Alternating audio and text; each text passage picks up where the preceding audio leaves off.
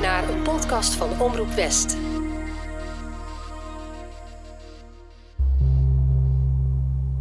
Op steeds meer plekken kijken we terug naar wat we gedaan hebben. Steeds meer onderzoeken geven een beeld van het slavernijverleden van onze regio. Of we dat nou graag willen of juist helemaal niet, er zijn raadsmeerderheden, budgetten en onderzoekers die klaarstaan om de archieven in te gaan, of ze hebben het al gedaan. Wat gaan die dan vinden? En welke invloed gaat de geschiedenis hebben op ons heden? Je luistert naar Wij Slaven van Holland, een podcastserie waarin we kijken naar die onderzoeken en naar de historie die nu onder de loep ligt. Ik ben Richard Grootpot en dit is aflevering 4, Bloemen voor Bertus. En ik heb mail van John uit Lisse. Hij vraagt me: Ik lees op jullie website dat er een slavernijmonument komt in Den Haag. Ja, klopt. Als dat er eenmaal staat, gebeurt er dan nog wat mee? Of is het alleen de bedoeling dat het daar maar eenzaam staat, net zoals ons beeld in Lisse voor de slachtoffers van de Tweede Wereldoorlog? Nou, ik ben blij met die vraag van John, want het zet me meteen even op een spoor. Uh, trouwens, als jij ook een vraag hebt, mail me hè, op podcast.omroepwest.nl. En ik heb bijna twintig jaar in Lisse gewoond, in de Bollenstreek. Dat beeld waar John het over heeft, dat ken ik heel goed. Op de sokkel staat Met steun van de Almachtige 1940-1945. Het bronzen beeld laat een man zien die op zijn knieën zit en naar boven kijkt. Hij houdt zijn handen boven zijn hoofd in een afwerend gebaar. Het is een beeld dat je meteen ziet als je Lisse vanaf de provinciale weg inrijdt, want het staat midden op de weg, op een soort verhoging waar je dan langs rijdt. En weg ben je weer. Niemand die daar blijft staan op een doorgaande route, behalve één keer per jaar. Dan wordt de hoek van de Oranjelaan en de Herenweg afgezet voor al het verkeer en dat is op 4 mei. Voor de rest is het er meestal nogal stil bij blote Berters, zoals dat beeld in Lisse onder de inwoners wordt genoemd, want het stelt een man voor die geen kleren aan heeft. Ik liep een keer terug naar huis na de dodenherdenking en toen liep er een jongetje voor me en die vroeg aan zijn moeder: Waarom heeft die meneer geen kleren aan? Geef daar maar eens antwoord op. Eén keer per jaar ligt er een nieuwe krans en liggen er een paar bossen bloemen aan zijn ontblote bronzen voeten. En verder zit dat beeld dan maar op zijn knieën te wachten tot het weer de volgende 4 mei is. Is dat ook de toekomst van het slavernijmonument in Den Haag? Eén keer per jaar nieuwe bloemen en dat is het dan. Kijk, in zo'n geval is het heel belangrijk dat het monument er is voor de inwoners over de geschiedenis van die stad. Ik heb afgesproken met Peggy Wijntuin. Zij is projectleider geweest voor het Haagse slavernijmonument. Ik kan niet goed uitleggen waarom, maar zij heeft een grote indruk op me gemaakt. Misschien omdat het slavernijverleden ook in haar eigen familie een grote rol speelde. Er zijn soms van die mensen die je ontmoet en die dwingen meteen respect af. Nou, zij is voor mij zo iemand. Eerder was ze de initiatiefnemer van het bekende Rotterdamse slavernijmonument aan de Lloydkade. En ze brengt nu mensen bij elkaar en op haar initiatief heeft een adviescommissie het advies voor het Haagse monument uitgebracht. Op het lange voorhout in Den Haag komt voor de zomer van 2024, als ze tenminste die timing gaan halen, hè, een slavernijmonument te staan. Die stad is een stad waar wetgeving werd gemaakt en alles wat met slavernij te maken heeft gelegaliseerd werd. De kunstenaar die hiermee aan de slag gaat, zal uiteindelijk goed moeten kijken naar wat er voor ligt. Gevoel moeten gaan vinden bij de omgeving, bij de stad, bij de bewoners, om het verhaal zo goed mogelijk te kunnen uitdrukken. Dat monument moet het verhaal van het slavernijverleden van Den Haag laten zien. Dat klinkt begrijpelijk, hè? Maar daarna, als het er eenmaal staat, wat dan? Hoe voorkom je dat het een plek wordt waar mensen maar één keer per jaar komen en waar verder weinig gebeurt? Becky Wijntuin vertelt dat de adviescommissie ervoor pleit dat er een informatiecentrum bij het monument komt. Kennis en bewustwording is heel belangrijk, want het gaat niet alleen over het verleden, het gaat ook over het heden, over hoe wij ons vandaag de dag tot elkaar verhouden, de doorwerking van dat verleden. Als het gaat over racisme, dan heeft het een, een verleden die niet bij 150 jaar geleden is afgeschaft. Het werkt door in het dagelijks leven van mensen. Dat zien we met de toeslagenaffaire, dat zien we uh, recentelijk nog het onderzoek van het ministerie van Buitenlandse Zaken over institutioneel racisme. Je ziet, het zit gewoon in het DNA van die samenleving. Een slavernijmonument kun je eigenlijk ook niet vergelijken met een monument voor mensen die omkwamen tijdens de Tweede Wereldoorlog. Ja, staan alle twee in de publieke ruimte, maar daar houdt die vergelijking eigenlijk al wel snel op, vind ik althans. Sommige slavernijmonumenten, zoals die in Rotterdam, staan er natuurlijk al jaren, maar toch zijn ze in vergelijking met de Tweede Wereldoorlog-monumenten nog recent te noemen, want die staan er soms al meer dan 70 jaar. De discussie over de ontstaansgeschiedenis van slavernijmonumenten die is dan ook nog lang niet achter de rug. Peggy Wijntuin liet me inzien dat het ook komt omdat het verhaal achter bijna al onze monumenten het verhaal is dat verteld is door de overwinnaars. Wij hebben vijf jaar lang oorlog gevoerd en dit zijn de helden. Dat is wat veel van die monumenten vertellen, en terecht. Maar wat nou als het verhaal is: wij hebben meer dan 250 jaar oorlog gevoerd en dit zijn de slachtoffers? Wat dan? Nederland is uh, altijd gewend geweest dat de verhalen zoals ze werden verteld en zoals ze werden opgeschreven, door de hand van de overwinnaar geschreven is en uh, door, door de monden van de overwinnaars verteld is. Nu komen er andere stemmen aan boord en die laten zich horen. Dat is een kennelijk een fenomeen waar nog heel wat Nederlanders aan moeten wennen. Die mensen, die stemmen die je nu hoort, zijn ook Nederlandse stemmen. Alleen met een ander verleden. Het verleden van een nazaat van een tot slaaf gemaakte. Hun verhalen zijn net zo legitiem. Want als je het hebt over de Gouden Eeuw, dan kun je niet anders dan ook over de afschuwelijke bladzijden van die eeuw te vertellen hoe het komt dat Nederland economisch zo kon floreren, maar dan wel over de lijken van anderen. Toch is er een grote groep mensen die het verhaal over het slavernijverleden überhaupt niet wil horen, die al afhaken bij het begin en ook dat monument op het Lange Voorhout helemaal niet willen zien. Hoe bereik je die mensen dan? Het blijven vertellen, eh, vooral niet in een vechtstand. We zien het ook aan premier Mark Rutte, die uh, ook lange tijd in uh, de ontkenningsfase gezeten heeft. En nu ondertussen uh, toch ook een van de pleitbezorgers is van dat verhaal. Dus mensen moeten een, een soort van doorontwikkeling meemaken. Door gewoon het verhaal te blijven vertellen. Het is de geschiedenis van het land. Het, zijn, het gaat niet over gevoelens, het gaat over feiten. Feiten die uh, eerder niet uh, zo belicht waren en die nu wel aan het oppervlak komen. Ik wil nog wel meer van Peggy Wijntuin weten, want ze was eerder ook betrokken bij dat slavernijmonument in Rotterdam. Hoe gaat het daar dan? Maar eerst wil ik je meenemen naar het begin van het verhaal, naar het Binnenhof, even verderop. Meer dan 400 jaar geleden dan, bij het begin van de handel in tot slaafgemaakte.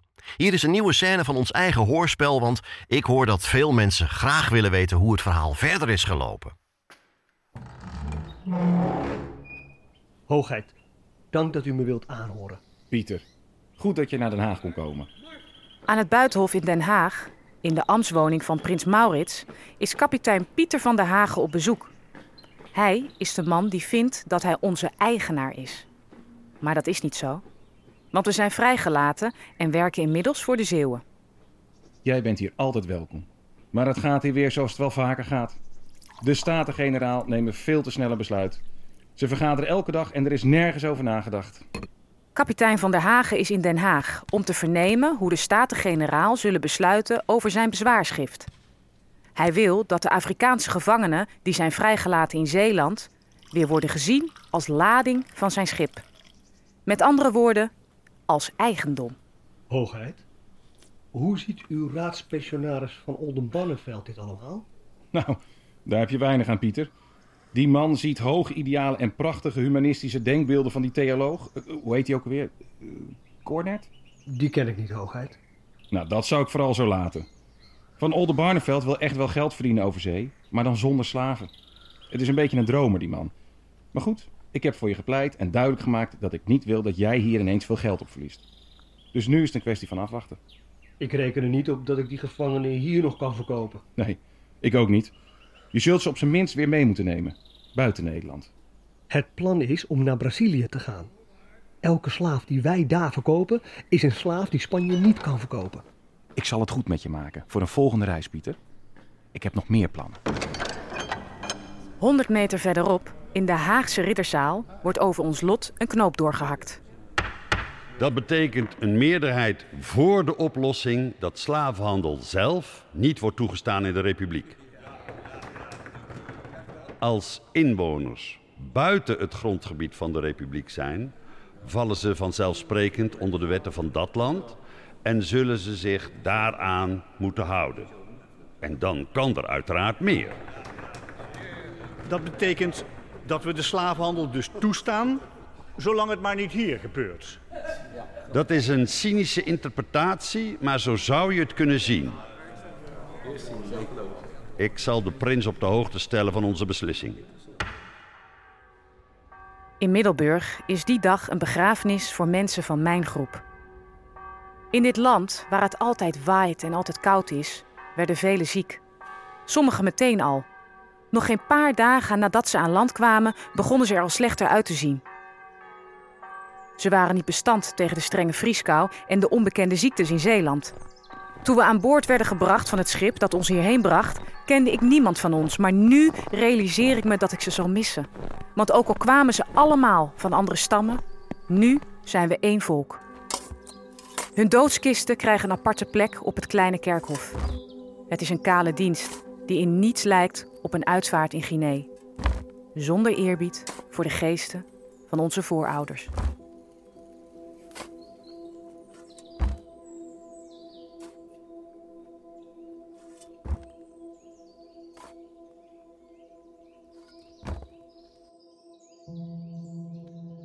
Blijf luisteren, want verderop in deze aflevering gaat het verhaal verder. Hè? Dan horen we wat het besluit van de Staten-Generaal inhoudt voor Malaika, voor kapitein Pieter van der Hagen. En hoor je dat Prins Maurits meer in huis heeft dan alleen maar een kooi vol kanariepietjes.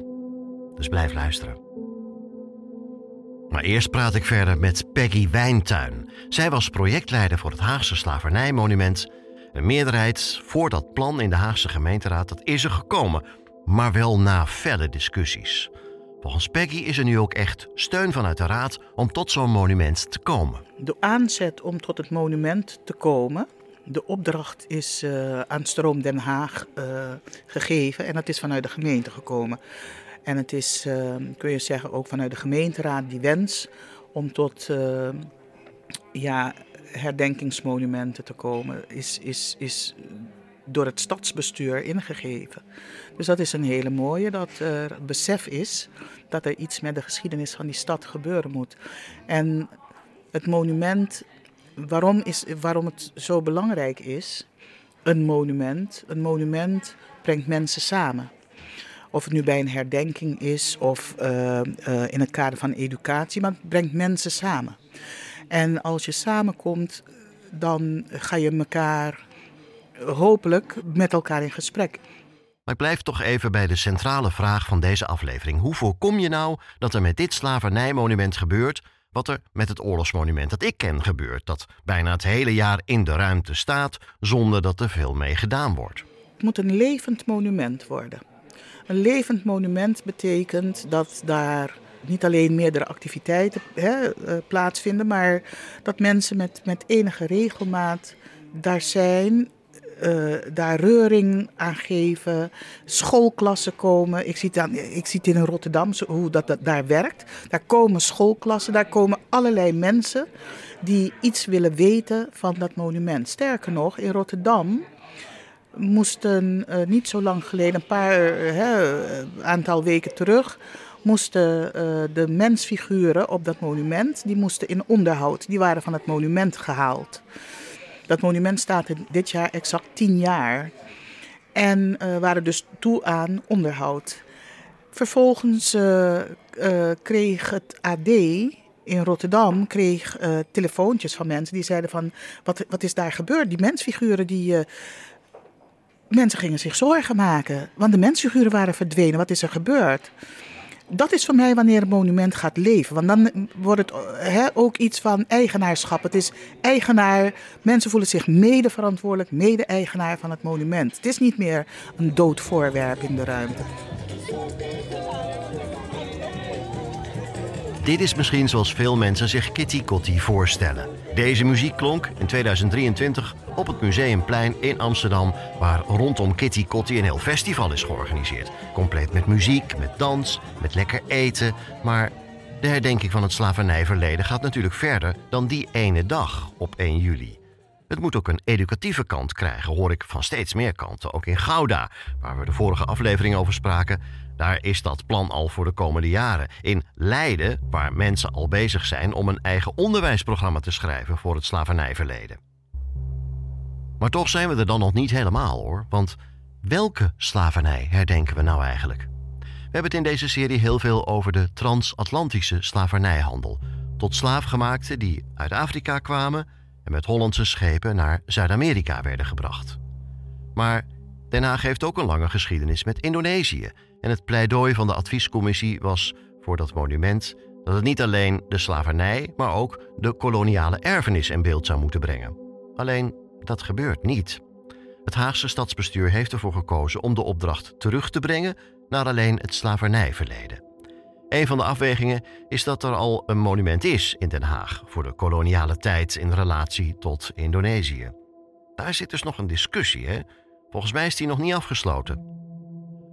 Oh, en ik wil ook nog even een mailtje behandelen. Claudia stuurde me een uitgebreid bericht over haar familiegeschiedenis en ze zegt: Wat is een land als de inwoners hun eigen geschiedenis niet kennen? Ze pleit dus ook voor het aanpassen van geschiedenisboekjes, net als andere die ik in deze podcast heb gesproken. En ze kijkt uit naar een nieuwe aflevering van het hoorspel. Nou, onze hoofdpersoon Malaika, die is met een boerin meegegaan, kun je je misschien nog herinneren, maar dan wel een boerderij in een heel klein dorpje. Kan ze daar blijven? Blijft ze in vrijheid?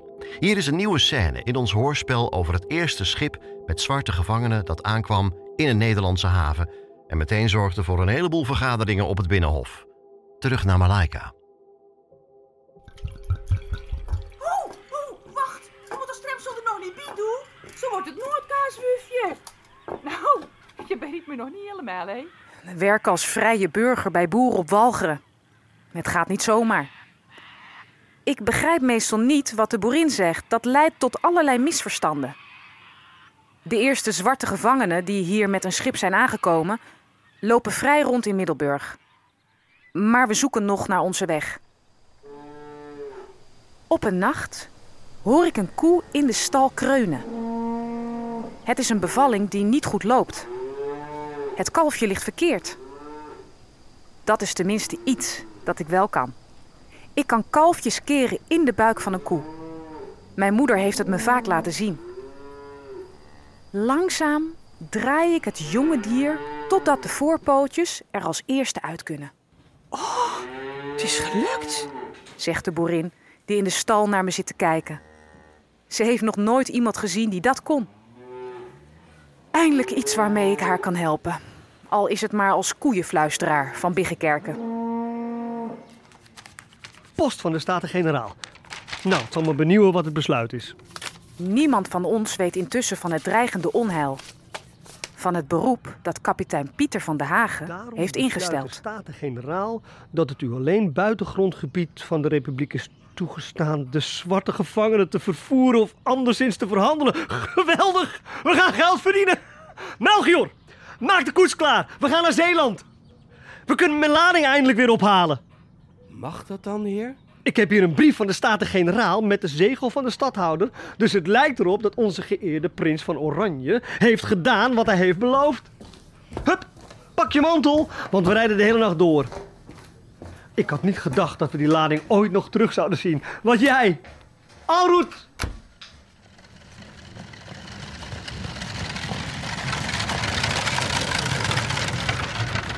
Voor mij is het geluid van draaiende wielen het geluid van gevaar. Het geluid van zwarte, Hey! vrije inwoners van de republiek die een koets ingesleurd worden. Wie denk je wel dat je bent? Eén voor één worden we Ik heb de meegenomen. wet aan mijn kant. Terug Ik mag naar het schip. van de hoogste autoriteit doen. Het is een vrij mens. Dit is mijn lading, die jullie van mij gestolen hebben. Waar ga je met mijn meid naartoe? Hé, hey, Ik ga met mijn slaap naar mijn schip. hey, ik wacht eens even. Wie wie denk je wel dat je bent? Hey.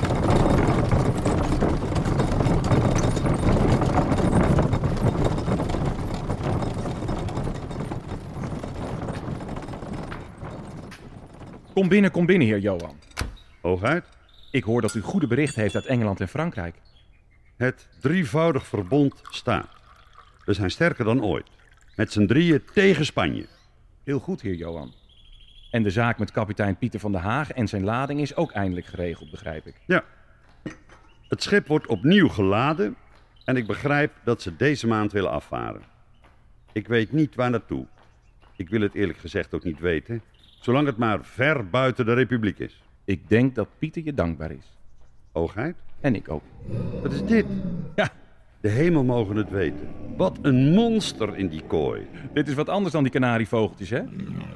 Dat is een casuaris. Het is de gevaarlijkste vogel ter wereld. Hij weegt 90 pond. Komt uit de regenwouden. Hier, zie je dat? Die klauwen? Zo groot als een hand. Daar rukt dat beest zo je hart mee uit je lijf. Hier, ik geef hem een appel. Moet je horen. Hij grondt. Ja, heer Johan. Een casuaris zinkt niet. Hij gromt. Tegenover Spanje moeten wij deze grommende casuaris zijn, heer Johan. En de Staten-Generaal, dat zijn de kanariepietjes. In de volgende aflevering van Wij Slaven van Holland horen we hoe het met Malaika verder gaat. Abonneer je nu op de podcast van Omroep West. Het is gratis en je weet zeker dat je geen aflevering mist. Volgende afleveringen verschijnen vanzelf in je podcast-app. Als je er inmiddels al een paar gemist hebt, ook gewoon abonneren. Al die vorige afleveringen zie je dan. Geef vooral ook een waardering of schrijf een recensie, want dan zorg je ervoor dat anderen deze podcast ook meteen sneller kunnen vinden. En als je mij wil bereiken, dat stel ik enorm op prijs. Stuur daarvoor een berichtje alsjeblieft naar podcast.omroepwest.nl. Dus podcast.omroepwest.nl. Bedankt voor het luisteren.